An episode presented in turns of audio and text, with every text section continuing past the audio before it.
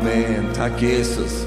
För att alla dagar är du med Jesus. Vi prisar dig för det. Tack för att vi får stämma möte idag Herre. Tack för att vi får eh, komma till det Herre. Var och en, precis sådana som vi är Herre. Med våra egna förutsättningar, egna liv, allt det vi lever med Herre. Herre vi vill möta dig Jesus. Vi vill eh, eh spendera tid med dig Herre och vi vill lära känna dig bättre idag än vad vi kände dig igår Jesus. Vi prisar dig för det i Jesu namn. Amen. Underbart. Ja, vi har ju restriktioner så vi får inte kramas men du kan ju bara vända dig till någon och säga det blir bra det här. Amen. Vad härligt att se er allihopa. Jag var så ledsen förra året, jag har ju kommit varje år, kommer inte ens ihåg när jag började åka hit, men det var länge sedan. Eh, under hela eh, pastor Franks tid så har jag varit här och, och, eh, så fick jag inte komma in förra året. Jag var så ledsen. Alltså. Eh, du anar inte. Eh, för det är ju lite, det är både härligt och jobbigt när människor fäster sig vid ens hjärta. Det är ju härligt, va? men det är jobbigt också därför att det, när man inte får mötas och så, där, va? Så, så, så, går man och tänker på dem och man liksom, de finns där hela tiden. Vad, vad kännetecknar en riktig vän? Jo, en riktig vän, det är en sån som du kanske inte har träffat på två år och sen träffas ni igen och då är det som att det var, var igår. Va? Vet du, du har människor som du har känt hela livet och så, så, så är det som att, vem är du?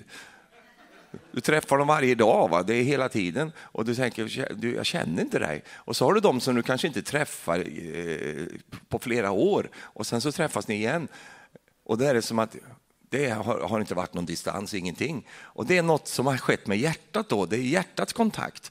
Och det tycker jag är underbart. Och jag har en sån med, med er här och jag är så tacksam. Och jag är så glad också att eh, pastor Erlen och eh, pastor Annika har kommit in här och, och, och liksom eh, tar stafettpinnen vidare. Det är en sån glädje.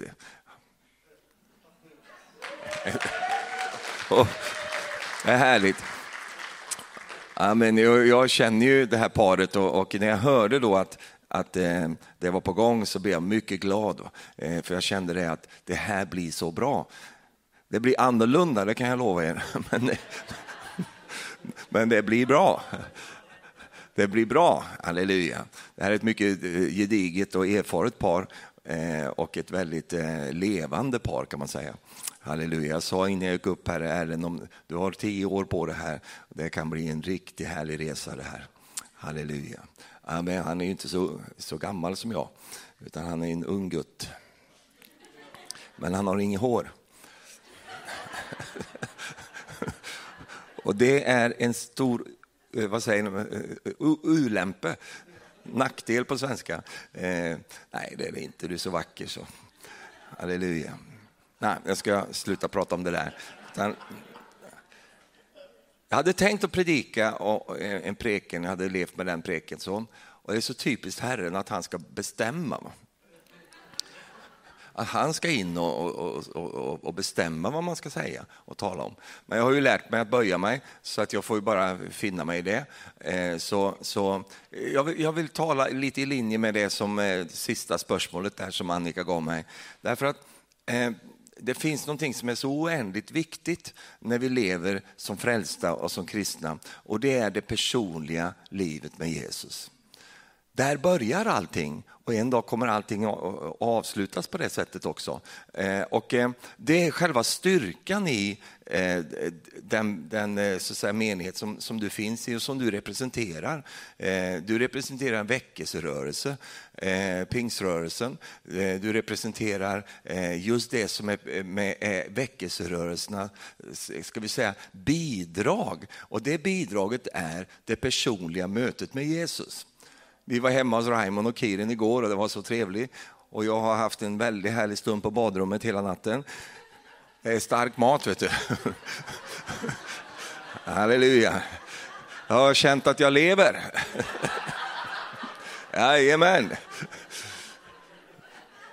Och du vet, det är, ja, jag ska, får inte gå in i det nu, men, men det var en väldigt härlig och mycket god mat och tre, väldigt trevlig. Eh, och så, då satt vi och pratade och ni som känner Raimond och det gör ni och Kiren, så du vet, och så Raimond gav ju oss en lektion va, i, i eh, väckelsehistoria och hans favorit John Wesley som eh, grundade eh, metodiströrelsen och han hade ett eh, ska vi säga, huvudtema och det var det personliga mötet med Jesus.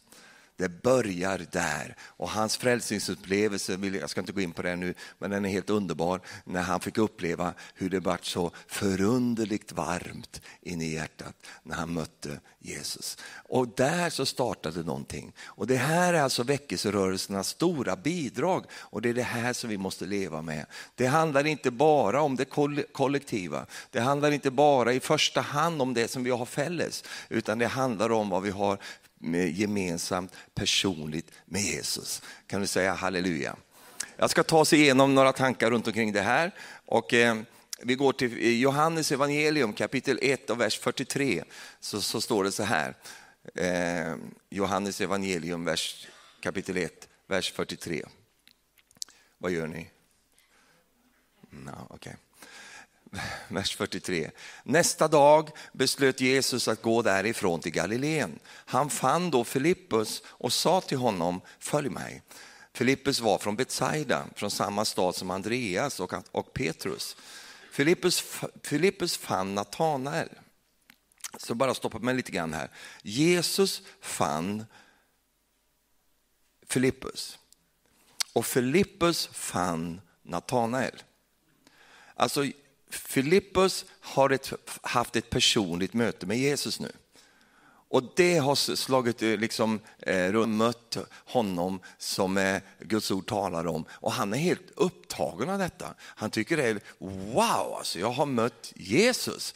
Eh, och då kommer han i den fräscha uppenbarelsen. Han kommer i det här mötet som han har haft personligen med Jesus. Så kommer han till Natanael som ännu inte har mött Jesus. Och då säger han till honom så här, den som Moses har skrivit om i lagen och profeterna har skrivit om, honom har vi funnit, Jesus, Josefs son från Nasaret. Och i vers 46 så säger Natanael tillbaka till honom så här, kan något gott komma från notodden? Och jag säger det därför att jag kom till Notodden eh, många år sedan här och skulle preke. Och så mötte han som skulle ta mig till, eh, till eh, möte. Och jag visste ju då inte vad taperby, jag trodde det var tap, tapet eller så. Tap, så jag fick ju liksom börja tänka igenom vad, vad betyder det? Och det är ju en loser, alltså taper, man förlorar. En loser, loser city. Eh, välkommen till Noten, en taperby. Och då tänkte jag, det var vad han tyckte om Notodden. Han tyckte att det här är en skicklig taperby. Och jag tror att Natanael tyckte det om Nasaret också. Det här, kan något gott komma ut ur den här lilla hålan här? Han var så full av fördomar. vet du. Och det är klart, du har ju inga fördomar. Nej, nej, vi har vi är ingen här, vi är ju, har ju inget, vi är så fria. Vi är, men vi har ganska mycket fördomar. Och han hade mycket fördomar och han tänkte liksom det kan väl inte komma något bra därifrån. Eh, och då så är ju Filippus så vis va? så han går inte in i en diskussion med honom där. Han håller inte på liksom av jo det kan det visst det, utan han säger bara helt kort och gott kom och se. Skaffa dig en egen uppfattning, kom och se bildar en egen eh, eh, uppfattning om det här. Eh, och han försökte inte säga, och framförallt försökte han inte ta sin erfarenhet av Jesus över på den här mannen. Utan han förstod någonstans att jag, jag måste föra honom till Jesus så får Jesus göra resten. Och jag tycker det är så befriande därför att min uppgift är inte att vara Jesus. Jesus är så bra på att vara Jesus själv. Han. Jag, jag vill ju likna på honom, jag vill ju liksom bli mer lik honom och det blir man ju, man spenderar tid med, med, med honom så blir man det. Men, men, men Jesus han står för sig själv och han önskar att människor ska få uppleva ett personligt möte med honom.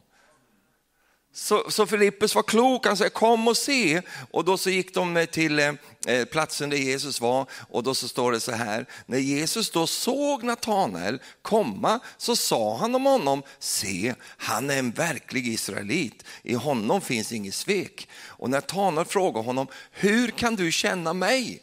Jesus svarade, innan Filippus kallade på dig så såg jag dig där, där du var under fikonträdet. Och då så säger Natanael, Rabbi, du är Guds son, du är Israels konung. Och Jesus svarar honom, därför att jag sa att jag såg dig under fikonträdet så tror du, det som är större än detta ska du få se.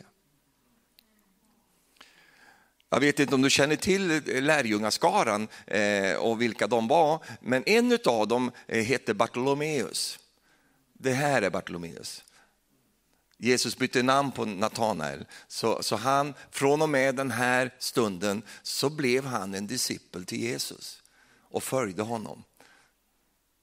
Och allt folket sa wow. Ett möte med Jesus. Ett personligt möte med Jesus.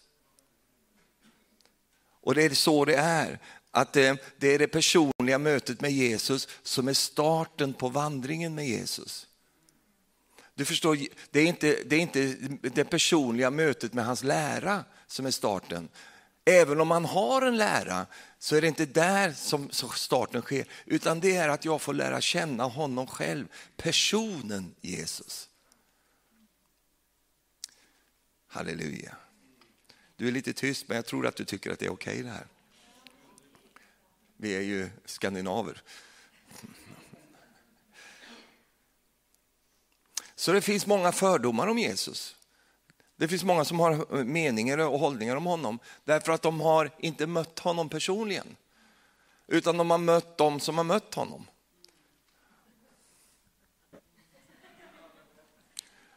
Och, och, någonstans så fattade Filippus det, att eh, eh, jag kan inte ta min upplevelse av Jesus och, och, och, göra den som en målstock för hur det är att eh, eh, känna honom. Utan jag måste ta den här kompisen Natanael, han får själv bilda sig sin uppfattning om Jesus, därför att Jesus är personlig. Hur underbart jag än har upplevt Jesus så är det inte säkert att min upplevelse av Jesus blir det som berör dig. Därför att du är en annan människa än vad jag är. Det personliga mötet, det är det som är nödvändigt. Och det, det gör det att våra fördomar som vi kan ha, du vet ju själv när du träffar en människa som du har hört mycket om. Och det kan vara dåliga grejer. Va? Så har du de grejerna med dig i det mötet. Men du, du vet att i det här mötet med den människan, när du ser henne, honom, eh, öga mot öga, du, du upplever liksom eh, det som är, det är därför det är ju faktiskt så att eh, de här digitala relationerna som vi är tvungna att ha nu i mångt och mycket, de är bristfälliga. Därför att du, du tappar så mycket där efter vägen. Jag menar, att få möta en ansikte mot ansikte, du, med allt vad, vad det som kommer från den människan, det försvinner i den digitala världen. Och det är också väldigt lätt att säga massa saker till människor som man inte träffar rent fysiskt. Det är väldigt lätt att vara tuff där ute på sociala medier. Men du vet att när du träffar personen, du ser in i ögonen på honom eller henne som är själens spegel. Du ser det och du får känna detta. Du upplever värmen kanske, du upplever, ja men det var inte så som jag har hört om den här personen, därför att du har upplevt personen själv. Det raderar ofta ut fördomarna i våra liv när vi får stämma möte på ett personligt sätt. Och så är det med Jesus också. Och, och det som är intressant med det här, det är också att när du möter Jesus så vet han redan vem du är. Du kommer att upptäcka, han känner mig innan jag känner honom. Kan du säga amen eller något kristet här idag? Vi gör kristet möte va? Kör sådana grejer. Amen, halleluja, pris ske Gud och kitos Jesus och lite sånt där. Va? Visst är det skönt att få komma till en plats där man får säga amen och halleluja och sånt där. Om du säger det på jobben din så blir det lite jobbigt, men här är det... Och är du här för första gången och du känner dig lite obekväm kanske och undrar hur ska jag förhålla mig nu här? Va? Eh, så säg lite amen, halleluja då och då. Så, då, då tror folk att du är en del av det här. Va?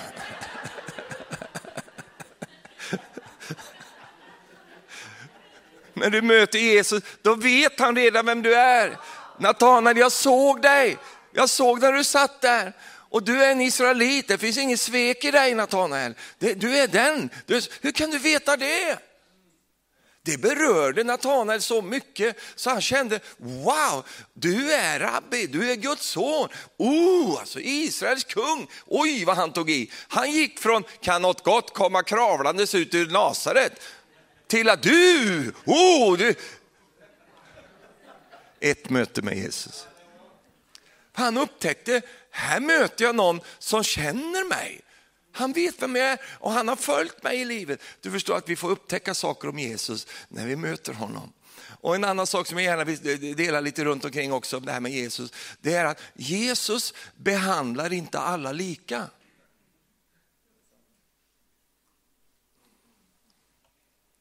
Hålla på att säga, han är ingen socialist. Eh, Jesus han behandlar inte alla lika. Han behandlar oss personligt. Du ska inte vara förälder eh, länge först du upptäcker att dina barn är forskälliga. De är olika.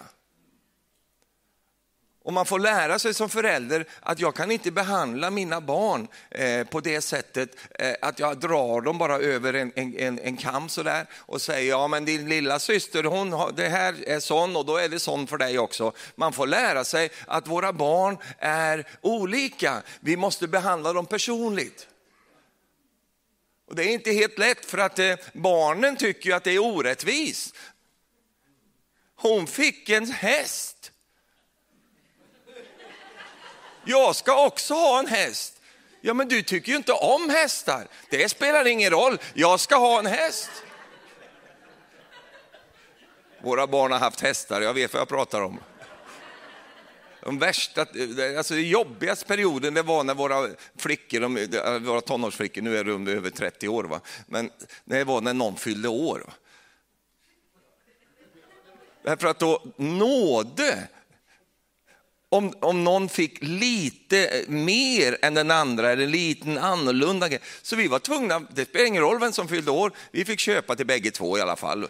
För jag, jag orkar inte med det här att de skulle börja bli jalu på varandra och hålla på där, därför att de tycker att det är orättvist. Va? Och så är det i Herrens hage också, att, att vi som kristna, vi tycker, ja, det är du, du, varför pratar du mer med honom nu? Varför gör du sånt nu? Du förstår att Jesus behandlar inte alla lika, han behandlar alla personligt. Och det var så han plockade in sina discipler, en och en, och han behandlade var och en personligt. Han sa saker till Peter som han aldrig skulle säga till Johannes. Han sa till Peter, gå bort från mig Satan. Och Petrus bara, mm. Peter stod kvar. Han gick ingenstans. Han fattade inte mig, han pratade, det är något här inne här som håller på nu. Va?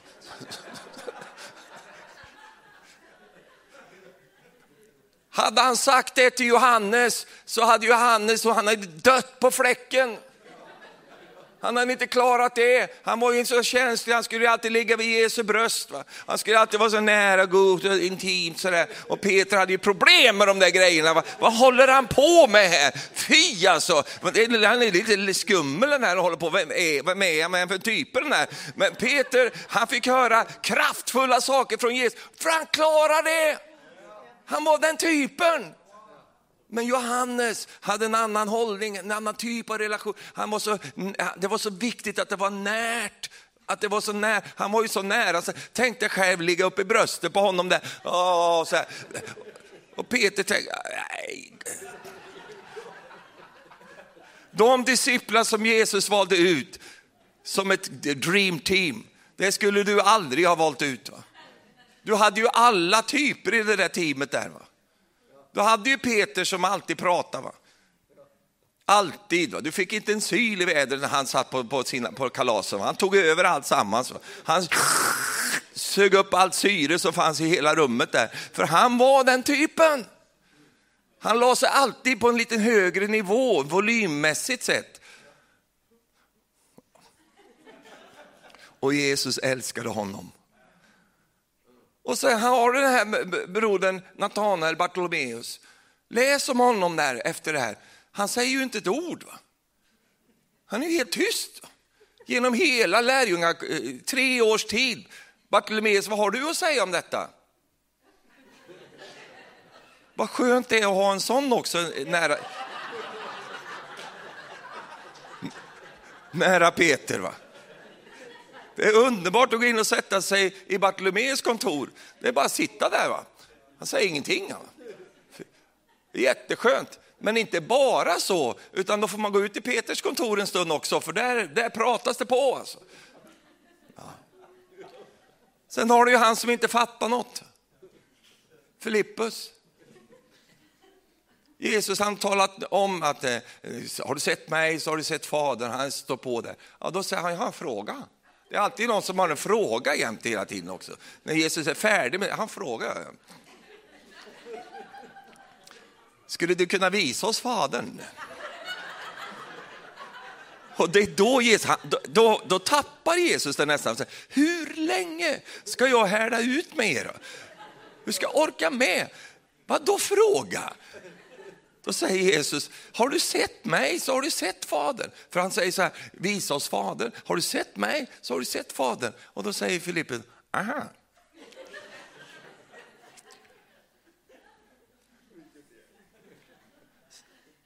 Sen har vi broder Thomas också. Han har det lite svårt med, han är lite nedåt.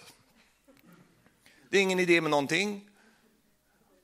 Vår bror Lazarus är sjuk, vi, vi ska gå och väcka upp honom. Jaha. Det är lika bra vi går och dör allihop med honom. Det är ingen idé. Lägg ner menigheten, det är ingen idé. Och han är den där som, som pendlar så också, för att säga han, är, han sover. Jaha, sover han? Ja, men då vaknar han av sig själv. Vad ska vi gå dit för då? Han, han kommer att vakna. Alltså, du, du, du, du har det här. Och alla de här disciplarna älskade Jesus. Och han hade en förmåga att liksom, eh, kommunicera till dem på ett personligt plan. Halleluja. Jag sa på bibelskolan, vet, i Sverige där är vi mer att vi inordnar oss. Eh, sådär, va? Och, och, och dagisbarnen i Sverige, Barnehagen, du vet det här snoret som de ska gå efter. Va? Där ser du när, när, det här, när de är ute och ska gå någonstans, då går alla svenska barn. De går precis efter det. Och det här har jag inte hört från Sverige, utan det har jag hört från Norge. Men när du kommer till en norsk eh, barnehageklass, då går ju ungarna lite, då går lite hur som helst där i, i, i den där. Och det är lite en annan typ kanske, man har ett annat sätt. Men du vet att Jesus, han liker mer det där sista som jag pratade om. För när du tittar på disciplarna när de följde Jesus, de gick och ryckte ax där och de tog och pratade om allt möjligt. De gick där och pratade om, ja jag undrar vem som är störst ibland oss. Det är en viktig sak vi ska prata om. Och säger Peter, jag tror att jag känner nog att jag är nog den som är. Så jag ligger nog lite där va känner det så. Och sen säger någon, någon, någon annan av disciplarna, Matteus eller någon annan, nej men jag känner nog ändå att jag har det, alltså, jag, ligger, jag ligger nog kanske, jag är nog störst faktiskt. Och sen vänder sig Jesus om när de har gått en stund och säger, du vad var det ni pratade om där på vägen? Ingenting. Ser du vilken typ av ledarskap Jesus hade? I en patriarkal miljö där det var väldigt kraft, alltså du vågar inte yppa någonting. Här har du hans disciplar, de kan prata om allt, de kan ju liksom prata om Jesus, varför gör du så här? Och, och de hade en väldig frihet omkring sig som Jesus skapade. Därför han var, han var connectad med var och en av de här. Han behandlar inte alla lika, han behandlar alla personligt. Amen. Det här är både härligt och besvärligt. Vad härligt det skulle varit nu om alla hade sett likadana ut och du hade druckit samma kaffe och du hade ätit samma bulle och du tyckte om samma bilar och, och du, allt det där. Vad enkelt allting är, men oh vad kedlig. Nej, det tycker inte du, men det tycker jag. att det finns fler bilar än Tesla som man kan åka omkring på. Man behöver inte gå med i Teslanianerna, utan man kan också ha andra. Vi har en liten grej, jag och pastor Erlend, om det där. Halleluja. Han, han håller på att vinna, det är det som är det värsta. Han har olika ingångar i olika människor. Och han vet vad ingen annan vet om oss. Och han förstår oss på, på ett sätt som ingen annan förstår. Och hans hänsikt är inte att sätta dit oss, utan det är att rädda oss. Och han vet också hur vår framtid ser ut. Spännande med Jesus. Amen. Jag upptäckte det här att Jesus har en personlig relation med var och en av oss. Du vet, jag lever ju med det här bibelordet att han är för mig. Va? Titta, du. Det, är inga det är inga djupa grejer. Alltså, alltså. Han är för mig, för det säger Guds ord. Om nu Gud är för oss, vem kan då vara emot oss? Och jag har förstått det att hans namn är också Emanuel, va? Gud med oss. Och jag har förstått detta, det ligger på ett personligt plan. Jag har alltid känt det, även när jag varit stygg så har jag känt det, men Jesus är ändå för mig. Jag, jag, jag tror det och jag, upp, jag upplever det också i mitt liv, han är för mig. Men han är inte för mig lite mer än vad han är för dig.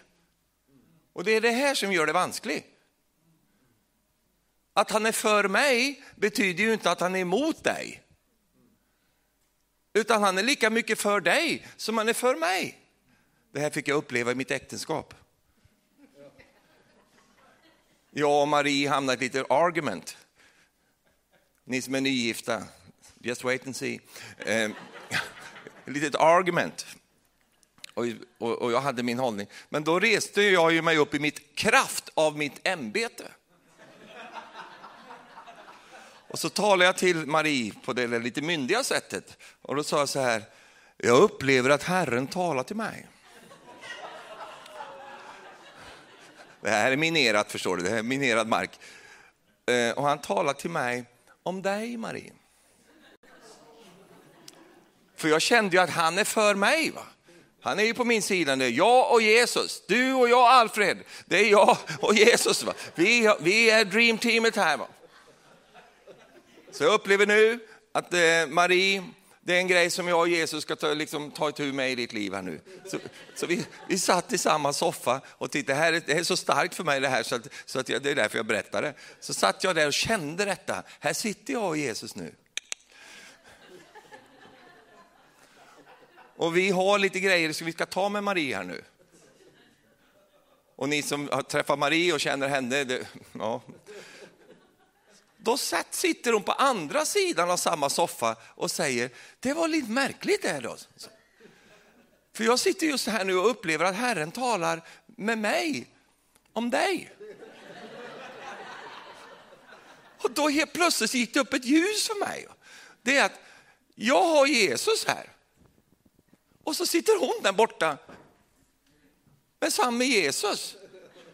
Och så, så slog det mig att jag försöker använda Jesus mot Jesus. Därför att hon har ju lika mycket Jesus som jag har Jesus. Och hon, hon, så jag kan ju inte använda honom mot någon annan eftersom då blir det ju att jag, jag använder honom mot honom. Och det här är det hela tiden i mänskliga interaktioner när vi umgås med varandra. Så ibland så kan vi få för oss det där. Och det här var inget nytt, för Jesus han fick hela tiden jobba med det här. För det var alltid de som ville få liksom Jesus liksom över på deras sida emot någon annan. Jesus, vi såg att det fanns människor här, de höll på där i ditt namn. Ska vi kalla ner eld över dem? Och det var ju inte andens eld, det var ju fördärvets eld. Och då säger Jesus så här, låt dem vara. Därför att ni vet inte i vilken ande ni talar nu.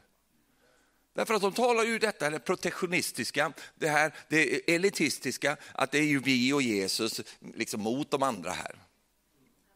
Det blir ju sekteristiskt. Och Jesus gillar inte det. Därför kör han andra bilar.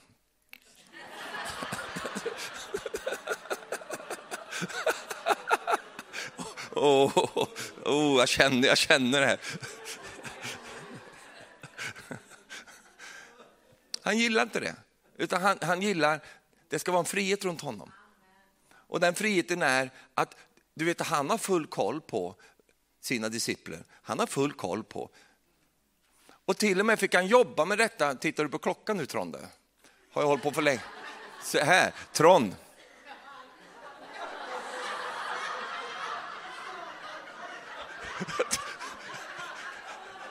Det, det värsta man kan göra mot en predikant, det är att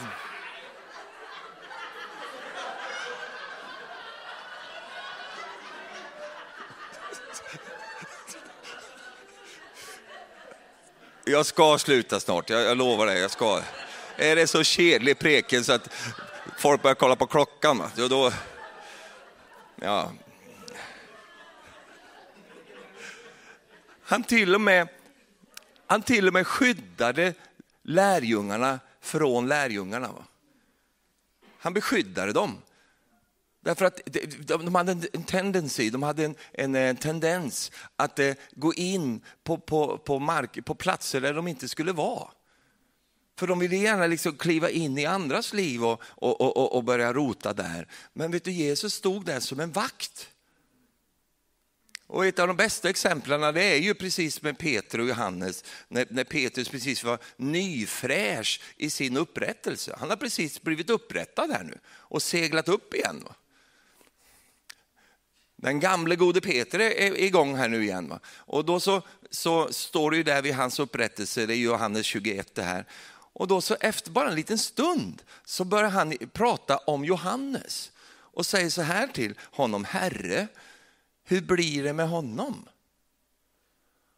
Han ville in och kladda där. Va? Han ville in och lägga sig i den här relationen som Johannes och Jesus hade med varandra. Så han ville gärna säga, hur blir det med honom? Och då så står det ju då att han låg vid Jesu bröst där. Va? Och då så, mm, han där, va? hur blir det med honom? Och då säger Jesus så här, om jag vill att han ska vara kvar tills jag kommer, vad rör det dig? Följ, det, följ du mig. Du har väl ingenting med honom att göra?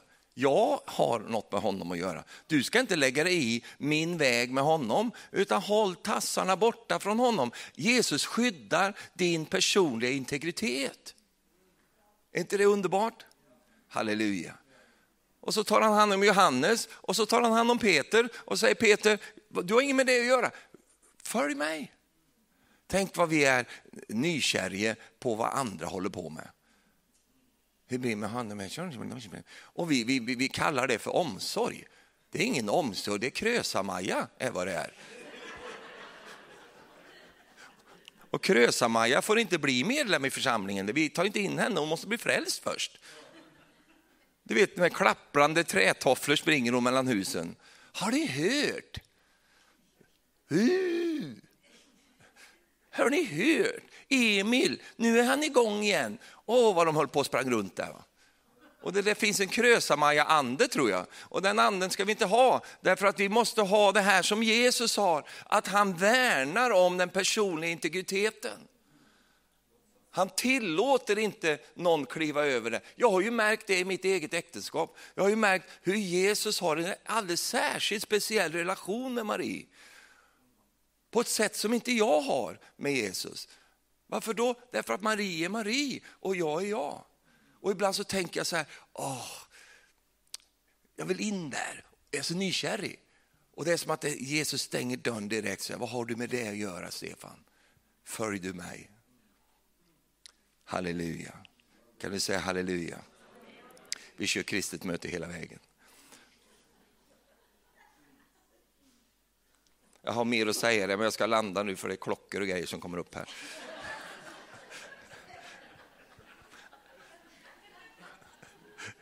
Ingen fara Trond, jag bara... Man blir ganska tuff när man har mikrofon. En dag är det dags för ännu ett personligt möte med Jesus. Och Paulus säger vi ska alla träda fram inför Kristi domstol för att var och en, var och en, var och en. Vi kommer inte som en nation in där. Vi kommer inte, det är ingen kollektivanslutning. Det är inte så att vi kommer som en familj eller en grupp. Vi kommer var och en. Ännu en gång ska vi ha ett personligt möte med Jesus.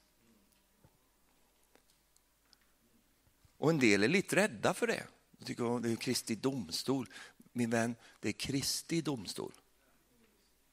Vilken Kristi domstol? Han som du mötte när du var där, ingen annan trodde på dig, när ingen brydde sig om dig. Det är han du ska möta.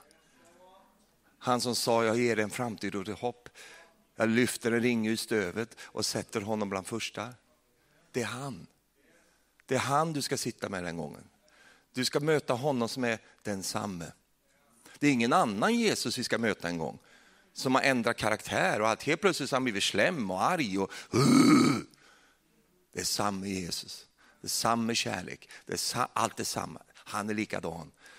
Oh, vad jag längtar efter att möta honom den dagen. Och jag ber, eller jag ber inte, men jag, jag, jag, att du inte ska vara efter mig i kön. Därför att om du är efter mig i den kön så får du vänta länge. För jag har mycket att prata med Jesus om. Så du kommer få sitta, du kan, du kan titta på din klocka hur mycket du vill, därför att ja, är han inte klar snart där inne? Han har ju suttit där i timmar där inne nu, vad, vad pratar de om egentligen? Du förstår, jag har laddat upp med massor av spörsmål, jag ska prata med Jesus.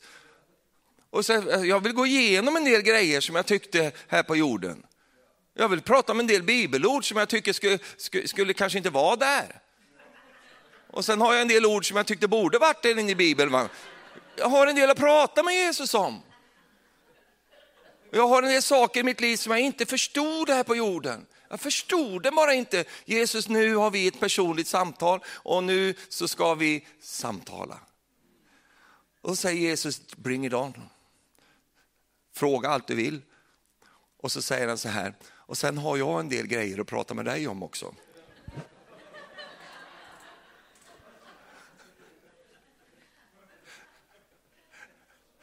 Har du varit med om någon som, som du, du, har liksom förtroende för tillit till och som du ser upp till, som säger så här, du har en del grejer jag vill prata med dig om, men vi kan ta det imorgon.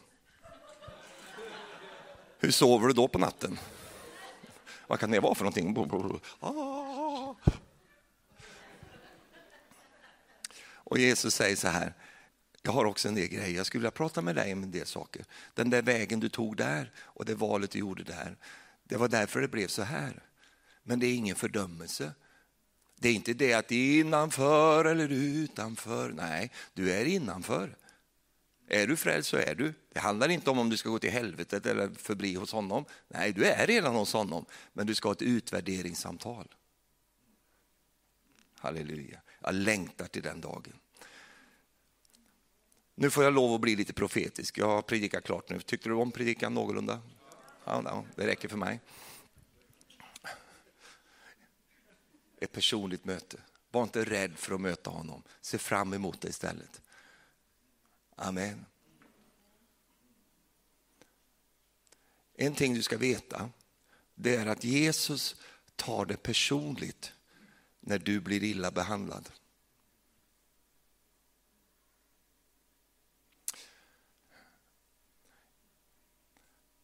Jag tänker på Paulus som då hette Saulus och det står om honom när Jesus mötte honom i Apostlagärningarna 9, vers 3. Så står det så här. När, när, när, Paulus närmade sig Damaskus på sin resa så strålade plötsligt ljussken från himlen omkring honom och han föll till marken och han hörde en röst som sa till honom Saul, Saul, varför förföljer du mig? Saulus förföljde de kristna och Jesus säger du förföljer mig han tog det personligt. Alltså, när du blir illa behandlad så är det inte så att, att Jesus bara vänder sig bort och säger, ah, jag såg inte det där, utan han såg allting. Och han tog det mycket personligt. Jag kommer ihåg en gång när Herren bara kom till mig och sa så här, Stefan, det där som hände där för 20 år sedan, som gjorde dig så ledsen. Jag kommer ihåg det. Så. Jag tog det personligt. För vilken typ av Jesus är det som bara liksom låtsas som saker inte händer? Och du har kanske ställt dig frågan någon gång i ditt liv ibland, Jesus var var du någonstans när det här hände? Han var mitt i det och han tog det personligt. Och vet du vad? Han kommer att gottgöra dig för det som hände. Varför har han inte kunnat gottgöra dig ännu till denna dag? Jo, därför att du har levt i en sån hämnd och en sån revanschkänsla. Eller du har inte varit på en plats där du kan ta emot gottgörelsen. Men gott, och det var det som var mitt profetiska, det är att gottgörelse är på väg till dig. Du säger, vad då? För vad då? Det har jag glömt, säger du. Vad bra. Det är så fint att vi kan glömma så att Gud kan komma ihåg. Alltså den där är ganska djup egentligen på något sätt. Va? Därför att min skyldighet många gånger är att släppa saker och faktiskt, ja, men jag, jag går vidare, jag släpper det här. Men det finns saker som du har släppt som Gud inte har släppt.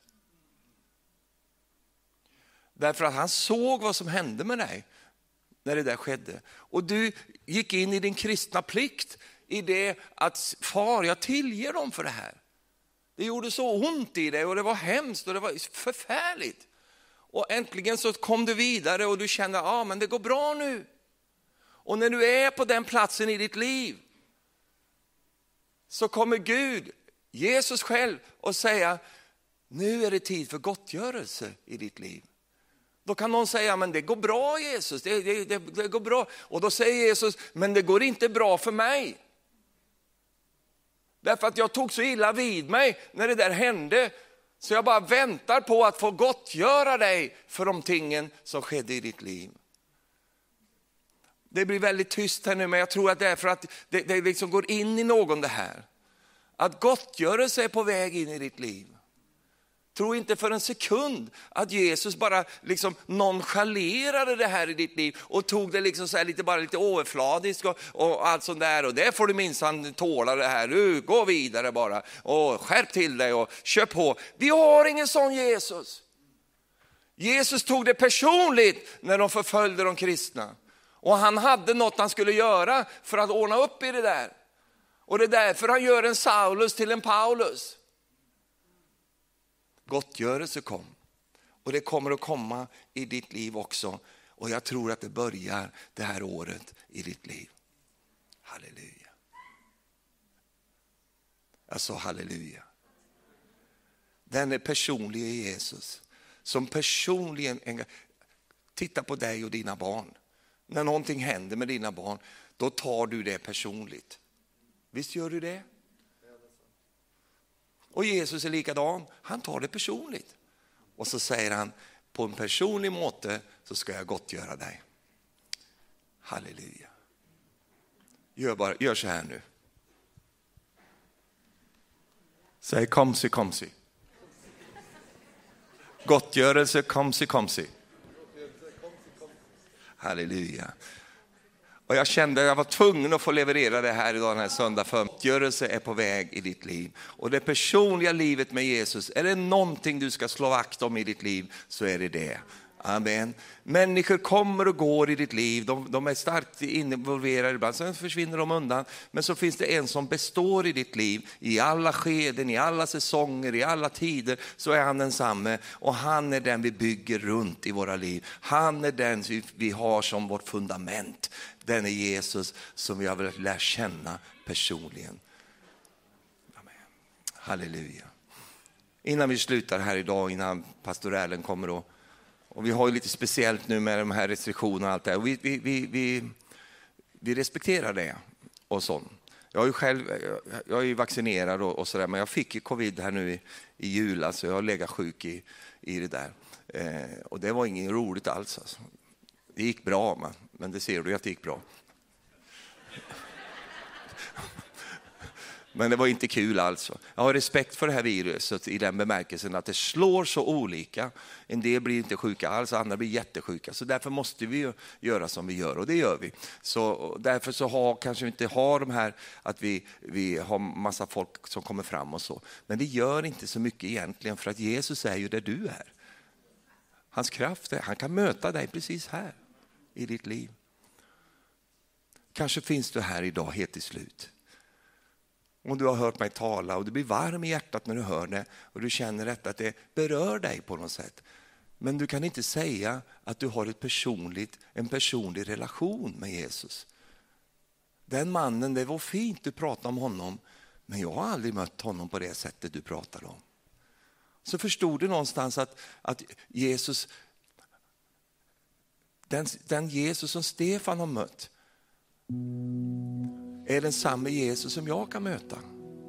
Men du kommer att uppleva honom på det sättet som, som stämmer med dig.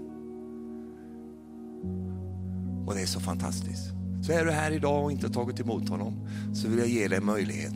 Idag kan din vandring få börja med honom. Idag så kan det bli frälsningens dag för dig och du kan få börja gå en väg tillsammans med Jesus.